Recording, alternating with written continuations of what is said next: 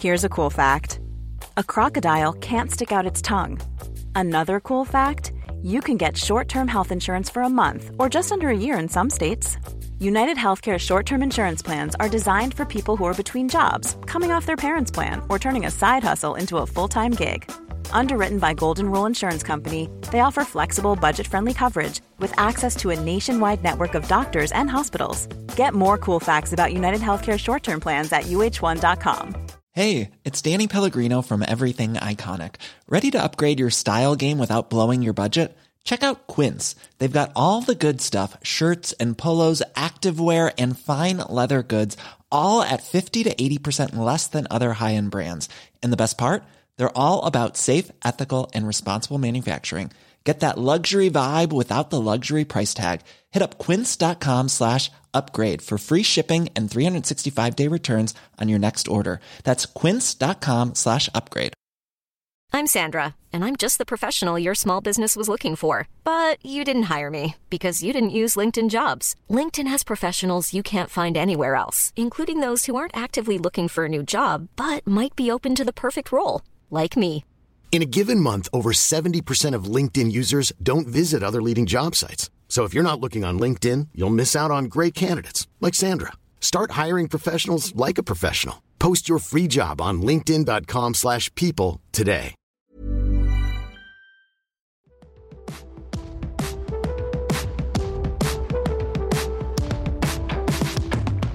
God morgon, välkomna till Krönikörerna, välkomna Elin. Hur Välkommen? Hugo. Hur mår du? Jag har en revansch här. Vadå? Ser du mina naglar? Ah, Alltså jag har grämt mig och grämt mig sen du sa att jag såg ut som en tjackhora. Eh, så, eh, jo, ja, du- tog jag ordet du, hora i min du, mun du pratade om eh, liksom, eh, heroin och annat. Så nu, vad tycker du nu? Ja men nu har du varit på fin manikyr någonstans, Ja, det är jätteduktigt. Ja. Hörni, Yes. ehm, premissen i Krönikörerna måste ändå alltid dras. Vi kommer med två idéer var, den andra är domare åt den andra. Och så väljer man en av dem och kör, eller hur? Just det. Och innan jag eh, börjar pitcha för dig så Mm. tänkte jag bara säga till er kära lyssnare, kom ihåg att prenumerera! Mycket bra. Okej, få höra. Men jag tänkte faktiskt, jag känner att jag blev inte riktigt färdig med en spaning som jag eh, drog för dig förra gången. Den här om förtäckta kontaktannonser som man kan hitta både här och där. Eh, Både på sociala medier och i, i medier. Jag var väl jävligt sugen på att dra den ändå. Den andra handlar om epadunk som eh, är en helt sinnessjuk eh, musikgenre som är liksom jättestor i Sverige. Och vad epadunk kan lära mig om livet. Vem är det som dricker mest? Jag kan se att du vill ha mig Dalmo brudar de är alltid bäst Rimer som en dalahäst Vilken Ja, är du sugen på? tar min samlade redaktörserfarenhet så brukar det ju alltid bli bättre när någon brinner väldigt mycket för sitt ämne. Och det lät ju som du brann för den där första grejen ändå, så vi kör på kontaktannonserna. Let's go!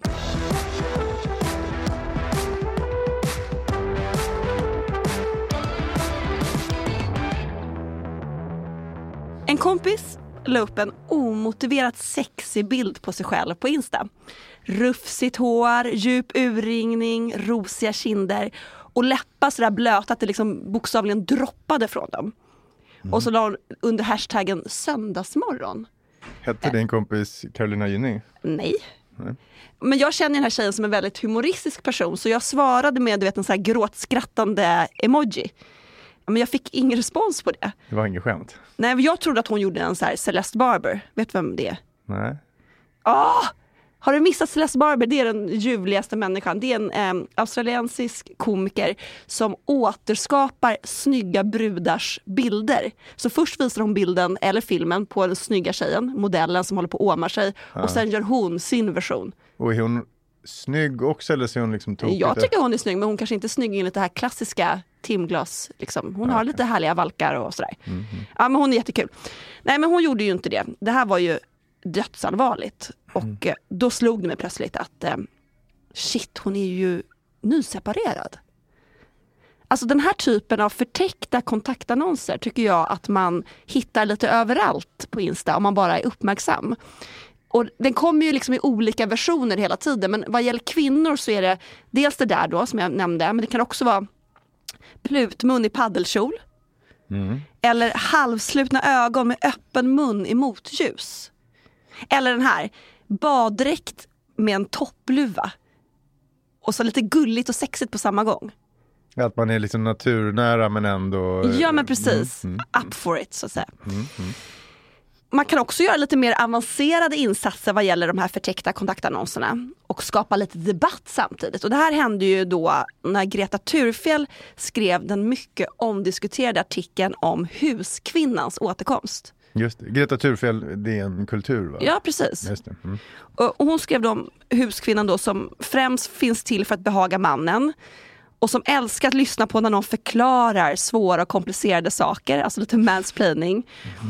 Och den här artikeln då, det var ju en reaktion på den t-shirt och instagramfeminism som verkligen boomade 2018. Och hon var då singel och kommer ut som huskvinna. Det vill säga hon är manstillvänd, hon är självförnekande och alla killars favorit. Och reaktionerna lät inte vänta på sig.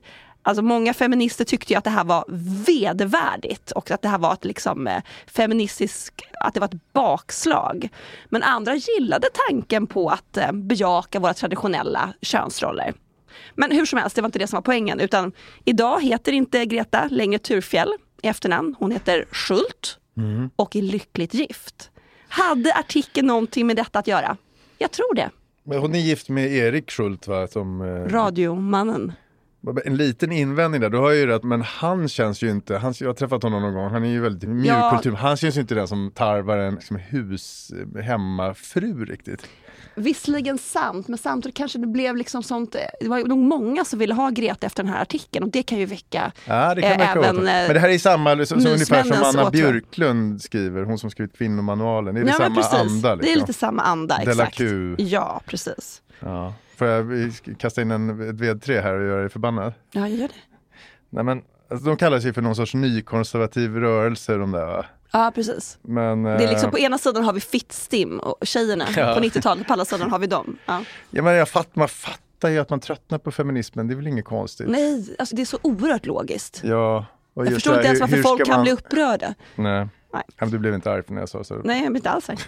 Men okej, tillbaka till de förtäckta kontaktannonserna. En kompis till mig har de senaste veckorna publicerat samma variation av en film på sin story. Han vadar ner i det iskalla svarta vattnet nära huset där han bor.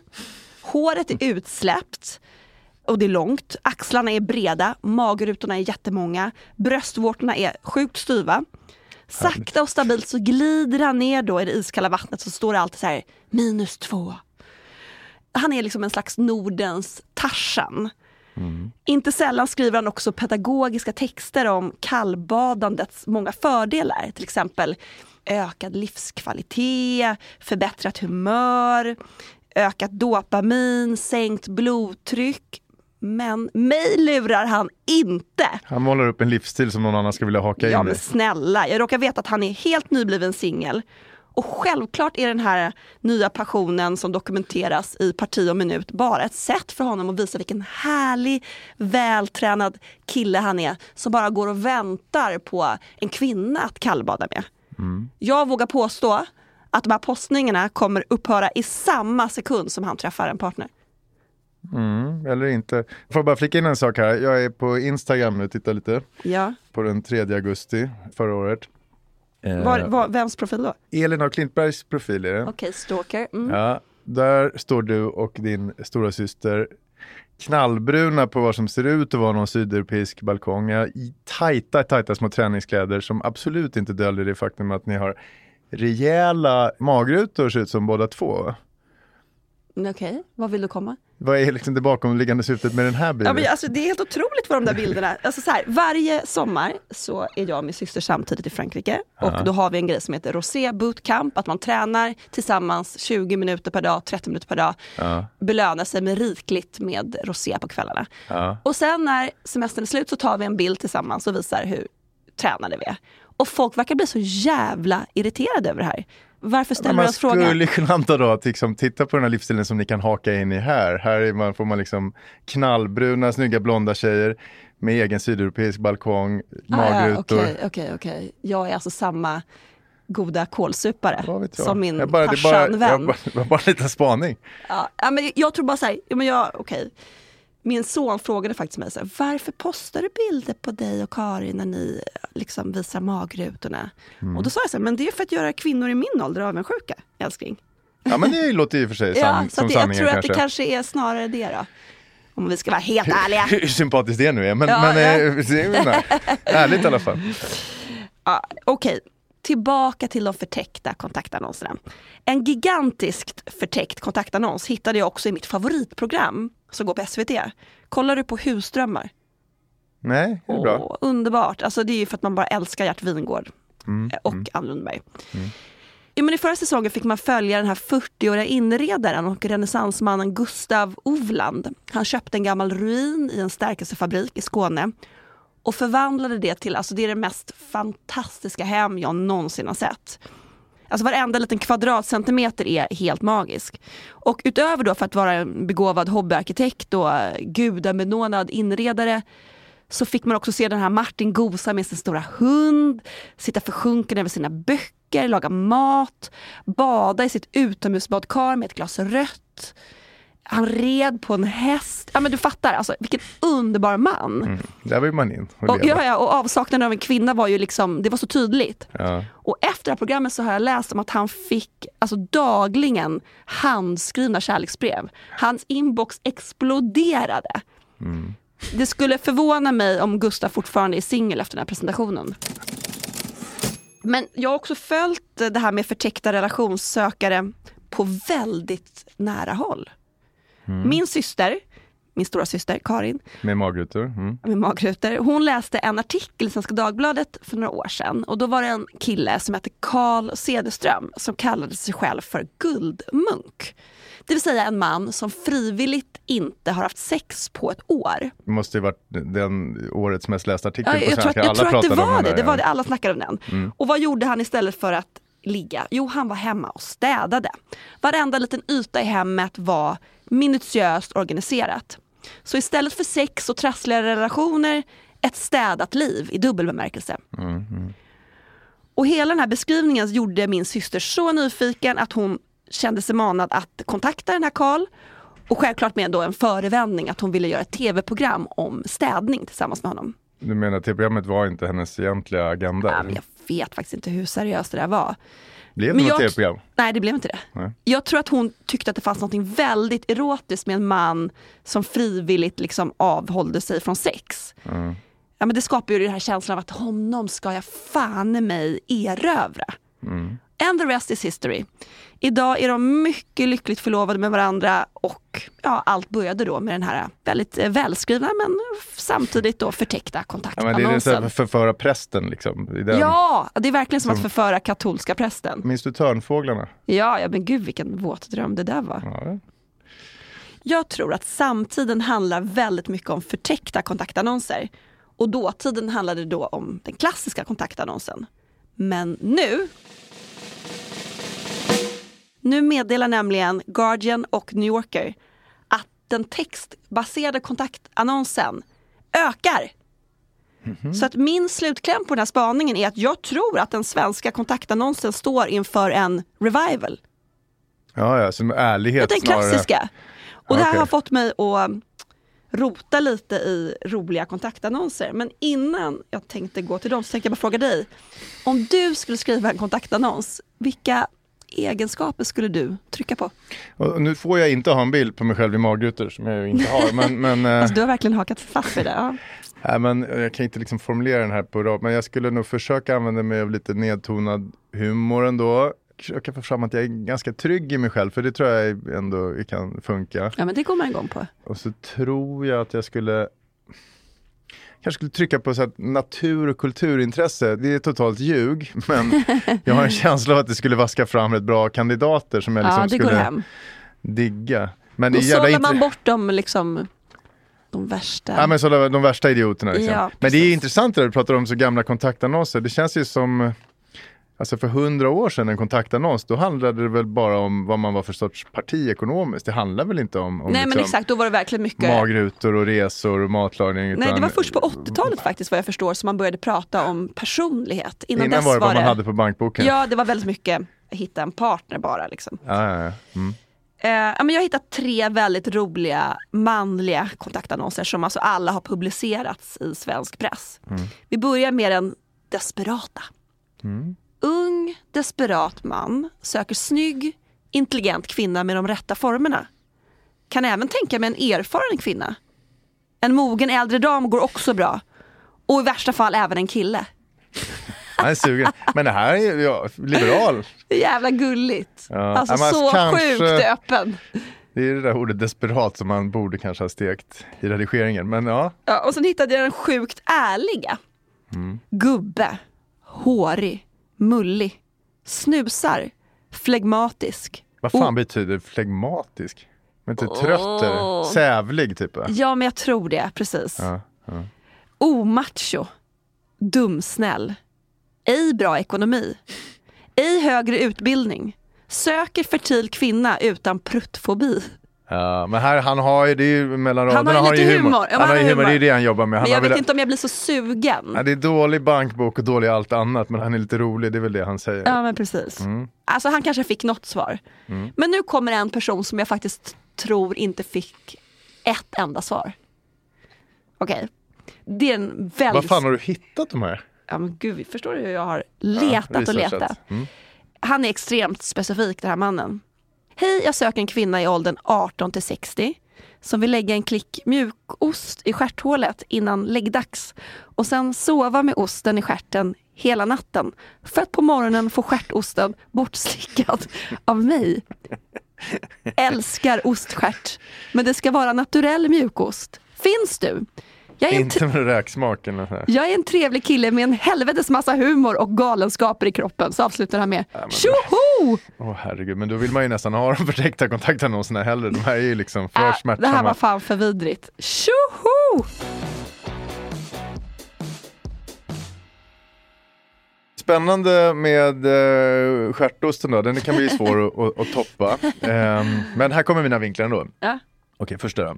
Bara dumskallar är utan ånger. Här är liksom en spaning med ganska kloka livslektioner med allt ifrån misslyckat tonårssex från min sida då, till hur Alfred Nobel lyckades ändra hela sitt eftermäle genom att ångra sig i livets slutskede. Mm. Eh, Vad kul, alltså bra ämne. Tack. Tycker jag direkt. Tack, tack. Nummer två då. Riktiga män går på ansiktsbehandlingar. Det handlar egentligen om var någonstans drar man gränsen för vilka skönhetsingrepp som är okej för en snubbe.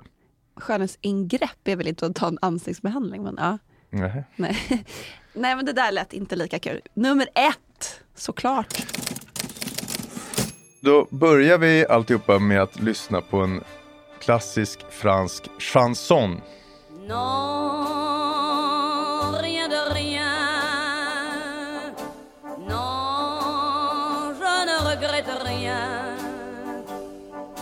bien qu'on m'a fait, ni le mal. Tout ça m'est bien égal. Non. Ja, vad tycker du om Edith Piafs? Non, je ne regrette rien. Hennes knarrande. Alltså jag var en sån liksom, svår ungdom som satt och lyssnade på Edith Piaf och skrev dikter när jag var liksom, 14. Ja, jag kan tänka mig det. Jag hade någon kort page med kort lugg precis som hon. Ja. Jag vet inte, jag, eh, nej men jag gillar ju Edith Piaf. ja, men den här är ju väldigt catchy. Eller det kanske inte var det du frågade? Jo, det, jo, det eller var är det det precis. själva innebörden? Nej, men jag kommer till det, för den är ju väldigt catchy den här, men jag har aldrig fattat budskapet, att man inte ska ångra något i livet. Hela den här grejen med att folk tatuerar in no regrets på kroppen, hashtaggen no regrets är en av de allra vanligaste Men på har du Instagram. sett om, den tatueringen när det stod så här regret nothing som en tatuering? Alltså, Nej, men det säger ju någonting Alltså, om vilka det är som, som man- tänker sådär. alltså då glömde jag lilla teet. Ja. Ja. Nej, men den har, jag tror att det finns 6 miljoner hashtag no regrets på Instagram, alltså det är helt overkligt. Men ja, för mig är det här helt efterblivet. Alltså vad är det för sorts människor som är helt befriade från ånger? Det måste ju vara Men Alltså- ångrar du mycket i ditt liv? Ja, men alltså eh, det gör jag absolut. Jag har hundratals grejer som jag gjort eller inte gjort som håller mig vaken om nätterna. Men det finns ju liksom två typer av ånger tycker jag. Det finns ju här och nu ången, Mm. den som man också kan påverka. Shit vad hände igår, jag måste be om ursäkt, fan vad dum jag var. Men så finns det ju den här ången som går så himla långt bak i tiden. Och den känns ju liksom destruktiv för där kan man inte göra någonting. Ja, fast du kan ju det, alltså- ändra ditt, det är klart att det finns något värde i det också för du kan ju ändra hur du beter dig längre fram. Det här är lite min poäng, det är så jävla märkligt om att inte ångra saker. Men vill du ha en, en tidig ångring från mig? Mm, gärna. Jag gick på högstadiet, var på klassresa i Småland någonstans. Lyxigt att få åka till Småland. Ja, ja visst en Bogård. Och så fanns det en blond liten tjej i klassen som jag hade varit småförälskad i under massa år. Tror att känslorna i alla fall delvis var besvarade. Hur gamla var ni? Alltså liten tjej låter som att hon är åtta så jag tycker vi kanske måste bara berätta Nej, att men- hon, ni är könsmogna båda två. Ja, ja, ja nej, men vi kanske gick åtta, nio. Ja, okej, Oj, tack, tack. Alltså känslorna spretade ju åt en jävla massa håll på den här tiden men hon var den som jag hade haft absolut mest sexuella fantasier om utan tvekan. Och jag tror att det var sista kvällen på den här klassresan så märkte jag att hon hade fått något lite annat i blicken när hon kollade på mig. Mhm. Det var en kväll när alla skulle ut och nattbada. Tittade hon på dig och samtidigt så, så här, tog hon sig i håret och tvinnade en lock? För det kan jag berätta för dig, det betyder I'm so up for it. Ja, det kan hon ha gjort. Minnesbilden är lite suddig. Men, men eh, hur som helst, när alla skulle dra iväg ut i den här lilla mörka sjön som låg intill och bada. Men då tog hon mig i handen, drog mig bort mot sitt rum. Där hennes rumskompisar låg och hade ont i huvudet. Men hon var väldigt gullig så hon gick därifrån när vi kom. och den här tjejen la sig under täcket, Kanske drog hon av sig lite kläder, det här är också lite suddigt för mig. Men det som absolut inte är suddigt, det är att hon tittade på mig och sa Kom hit och förför mig. Men gud vad modig, vilken härlig tjej. Ja, men det var ett, Det måste ju vara- det det var här ett är ju helt sån, eh, perfekt ögonblick. Fantasi, eller hur? Ja, men det var som nyckelscenen i en sån bra coming of age eh, Ja. som man har sett tusen av. Vad tror du hände? Du drog av dig t-shirten och hoppade i sängen. Jag blev livrädd eh, av det liksom sexuella i hennes handling. Oj. Så istället för att göra precis det som du säger här så Ja. Spelade jag ointresserad, Oh, sa något dumt och gick därifrån och fan. förmodligen lika gick jag och la mig liksom med mina polare och låg och fjärtade i kapp på Big natten som man gjorde. mistake, huge. Ja men sån jävla idiot. Och jag hatade mig själv så länge för det där beslutet. Möjligheten återkom aldrig, det blev liksom inte någonting. så hon gifte sig tidigt. gone så att säga. Men det, där är Oskyldigt du men en väldigt klassisk man för att jag har läst någonstans att män väldigt ofta ångrar sex de inte hade. Ja. Medan kvinnor i mycket högre utsträckning ångrar sex de faktiskt har haft. Ja, så kan det vara. Jag tror i och för sig att det där vänder ju någonstans. Alltså I början av livet så handlar ju allt om att försöka få sex så mycket som möjligt, eh, upplever jag. Och så någonstans lite längre fram så handlar ju det mest om att försöka undvika att ramla in i fel binge så mycket som möjligt. Ja, jag trodde du menade med frugan. Nej, Nej, nej, verkligen jag inte. Eh, vill du höra något annat som jag legat sömnlös över? Gärna. Okej, nu du nämner frugan då. Min fru var runt 25 när vi träffades. Läste juridik på universitetet. Själv så drev jag ett tidningsförlag och jobbade som en jävla dåre. En kväll så hade hon tänkt ordna något gulligt åt mig. Hon skulle göra middag så hon tog sin lilla, lilla CSN-budget. Gick och köpte hummer, champagne, eh, fint Åh, kött Wow. Mässade till mig att hon skulle göra någon gullig middag. Jag var på jobbet och svarade att jag skulle komma hem vid sjutiden kanske. Just den här dagen så att vi jobbade med ett omslag till en tidning som vi inte, liksom, vi fick inte riktigt till den. Jag var inte nöjd med det. Jag satt där, då, det här måste du ha gjort tusen gånger. Man sitter med en formgivare, hovrar lite över den personens axel och pekar och upp med typsnittet. och by- Pillar och flyttar på Ja, man millimeter. pillar och vi, vi håller på med byter typsnitt, ord och hej och byter bilder. Och det bara drog ut på tiden. Vi blev liksom aldrig klara, aldrig nöjda. Så jag messade till henne och skrev att jag skulle bli lite sen. Och så jobbade vi vidare. Men fick inte till det där jävla omslaget. Liksom, ord hoppade ner och blicken var inte där. Och jag hamnade i någon sorts manisk skov när jag satt där. Jag måste, för jag kan inte gå om inte det här blir klart. Den skulle skickas till tryck på natten. Åh, Hugo, Hennes mest, dumhuvud. hennes mest blev ledsnare och ledsnare, argare och argare, mer och mer desperata. Men jag kunde inte släppa det här omslaget. Det var liksom tvunget att bli bra. Konsten framför allt. Ja, men det gick inte. Jag bara satt kvar och satt kvar. Till slut bara det, slutade hennes sms komma Det överhuvudtaget. tror jag det. Och när jag kom hem var klockan två på natten. Kom hem till en nersläckt lägenhet, helt tyst. Middagen stod kvar ute i köket, Nej. lite demonstrativt och in i sovrummet låg hon och grät. Eh, Jag hoppas att du har bett om ursäkt. Ja, men alltså, jag skäms ju fortfarande när jag tänker på det här. det här. Hon hade ju kunnat dra nästan från mig. Det hade inte varit helt obefogat. Då hade mitt liv sett otroligt annorlunda ut. Ja men den där ången är fan i mig befogad. Jag har Ja. faktiskt googlat lite nu medan du har pratat och eh, Ja. vet du när vi, hur gamla vi är när vi förstår vad ånger är? Hur gamla vi är då? I ditt fall? I mitt 17. fall eh, tjej 32. Ja. Nej, 12. Nej, först vid sex års ålder så förstår vi vad ånger är. Och vet okej. du hur många timmar per år som vi ägnar oss åt att ångra saker vi gjort eller inte gjort? Så in i helvete mycket gissar jag. Timmar per år. Eh, timmar per år, 700? 110. 110 timmar. Ja, det är alltså två och en halv, Så går nästan tre arbetsveckor. saker. Ja, men I mitt fall skulle det nog kunna vara 700. 700. Jag är Ja. väldigt stark på ånger. För några år sedan så var det en sjuksköterska som hette Bronnie Ware som gav ut en bok som hette The Top Five Regrets of the Dying. Hon hade helt enkelt intervjuat folk som låg på dödsbädden och samlat ihop allting i en bok som blev en jättestor säljare. Vad tror du folk ångrade mest när de låg där? Ja, men det är ju inte liksom, det har ju inte med pengar och sånt att göra. Här, jag tror det verkligen är familjerelaterat. Ja. Vänner, kärlekar. De ångrade att de hade tillbringat för mycket tid på jobbet istället för att vara med familjen. Sörjde alla försummade vänskaper, alla människor de hade prioriterat bort i Ja. jakt på liksom eh, ja, men i jakt på självförverkligande. Allra mest ångrade de om de hade försummat barnen när de var små. Eh. För liksom, strax innan du ska dö så betyder inte befordringar och löneförhöjningar Inte ett, Ett skit. skit. Nej. jämfört med att missa första simtag Men apropå det här med barn, för det var ju ganska stor debatt för några år sedan. Det blev ju en artikelserie om föräldrar som ångrade sina barn. Ja, Jag håller med dig om att ånger kan vara bra och sådär, men det är fan i mig en ånger som jag har så lite förståelse för. Hålla på och liksom gråta ut och säga att eh, föräldraskapet inte blev som man tänkt sig. Och, och så Nej, finns det de här är ju- stackars barnen som inte har bett om att bli födda. Nej, det, Nej, de ånger borde tycker ju jag inte fått går bli föräldrar. fet bort. Ja, ja, verkligen. Viss ångest får man väl hålla för sig själv. Men den, nej, den är, men den är inte, inte riktigt den jag Den tänker hör på. inte till din nej, men min spaning. stora poäng med den här spaningen tror jag är att ångra saker man gjort kan ju förändra livet och framtiden till det bättre. Få en att välja rätt. Oavsett om det var igår eller om det var något som man missade den där middagen för. Jag har hittat en annan bok som heter The Power of Regrets. En amerikan som heter Daniel Pink. Och han, Jag har faktiskt intervjuat honom. är det sant? Var han? Han är ju tal, eller var talskrivare åt Al Gore och skriver nu såna här liksom bestsellerböcker. Ja, han är jättetrevlig verkligen. Smart jävel. då. En smart jävel. Ja. Ja, men den bekräftar ju det som jag alltid har misstänkt också. Negativa känslor kan ha en otrolig potential om man bara kanaliserar dem rätt. Alltså rädsla hindrar oss från olika faror och ånger kan få oss att bli bättre människor.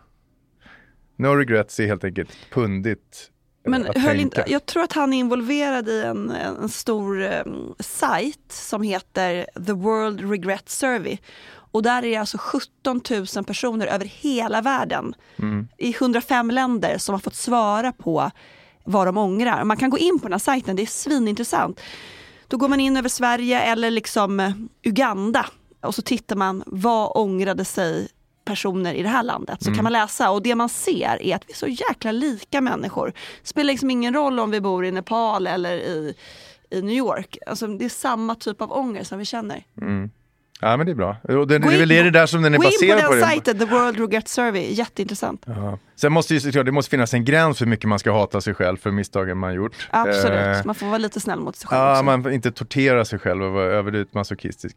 Men man måste ju stanna upp och analysera och försöka lära sig något. Hur ska jag undvika att göra om det där? Liksom? Plus att jag, självförlåtare är ju jobbiga typer i största allmänhet. Jag. Vill du ha en, en sista sedelärande ångerhistoria till? Den är inte om mig den här gången. Ja, gärna. Okej, vår 1888 morgon. Alfred Nobel slår upp sin franska morgontidning och får läsa att han har dött. Rakt upp och ner i tidningen är hans nekrolog. Du fattar att det måste ha varit en ganska omtumlande upplevelse. Ja. Det stämde ju inte. Han satt ju där och levde i högsta grad. Redaktionen hade blandat ihop Alfred med hans äldre brorsa Ludvig. Men på grund av den här sammanblandningen då så fick Alfred läsa sitt eftermäle fastän han levde. Fan vad obehagligt. Ja, Så surrealistisk obehagligt. Och det blev värre för att eftermälet var inte vackert. Rubriken var Dödens köpman är död. Och så var det en stenhård text om att eh, Nobels uppfinning dynamit tagit kål på massa, massa människor. Han målades ut som en girig, jätteomoralisk person som blivit stormrik på död och olycka. Vad tror du Alfred Nobel drabbades av för känsla?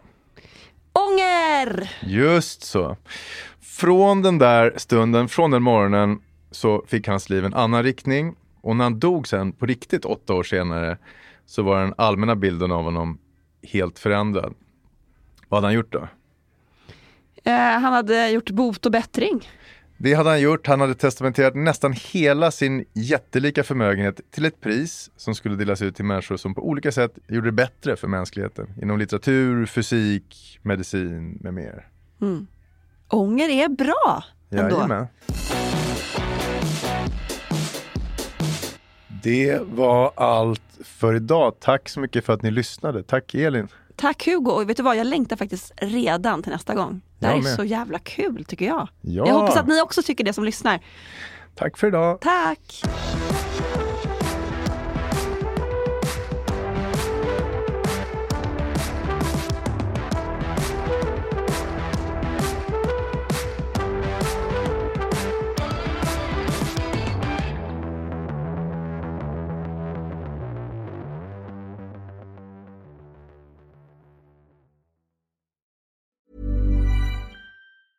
A lot can happen in three years, like a chatbot may be your new best friend. But what won't change? Needing health insurance. United Healthcare Tri Term Medical Plans, underwritten by Golden Rule Insurance Company, offer flexible, budget friendly coverage that lasts nearly three years in some states. Learn more at uh1.com.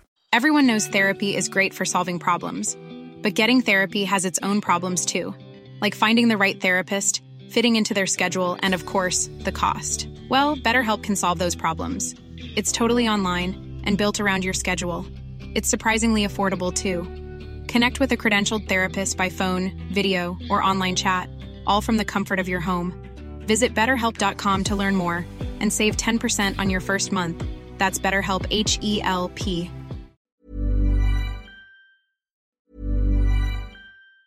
Even on a budget, quality is non-negotiable. That's why Quince is the place to score high-end essentials at 50 to 80% less than similar brands. Get your hands on buttery soft cashmere sweaters from just 60 bucks, Italian leather jackets, and so much more. And the best part about Quince, they exclusively partner with factories committed to safe, ethical, and responsible manufacturing. Elevate your style without the elevated price tag with Quince. Go to quince.com slash upgrade for free shipping and 365-day returns. Planning for your next trip? Elevate your travel style with Quince. Quince has all the jet setting essentials you'll want for your next getaway, like European linen, premium luggage options, buttery soft Italian leather bags, and so much more. And is all priced at 50 to 80% less than similar brands. Plus, Quince only works with factories that use safe and ethical manufacturing practices. Pack your bags with high-quality essentials you'll be wearing for vacations to come with Quince. Go to quince.com slash pack for free shipping and 365-day returns. Imagine the softest sheets you've ever felt. Now imagine them getting even softer over time. That's what you'll feel with Bowl and Branch's organic cotton sheets. In a recent customer survey, 96% replied that Bowl and Branch sheets get softer with every wash. Start getting your best night's sleep in these sheets that get softer and softer for years to come. Try their sheets with a 30-night guarantee. Plus, get 15% off your first order at bowlandbranch.com. Code BUTTERY. Exclusions apply. See site for details.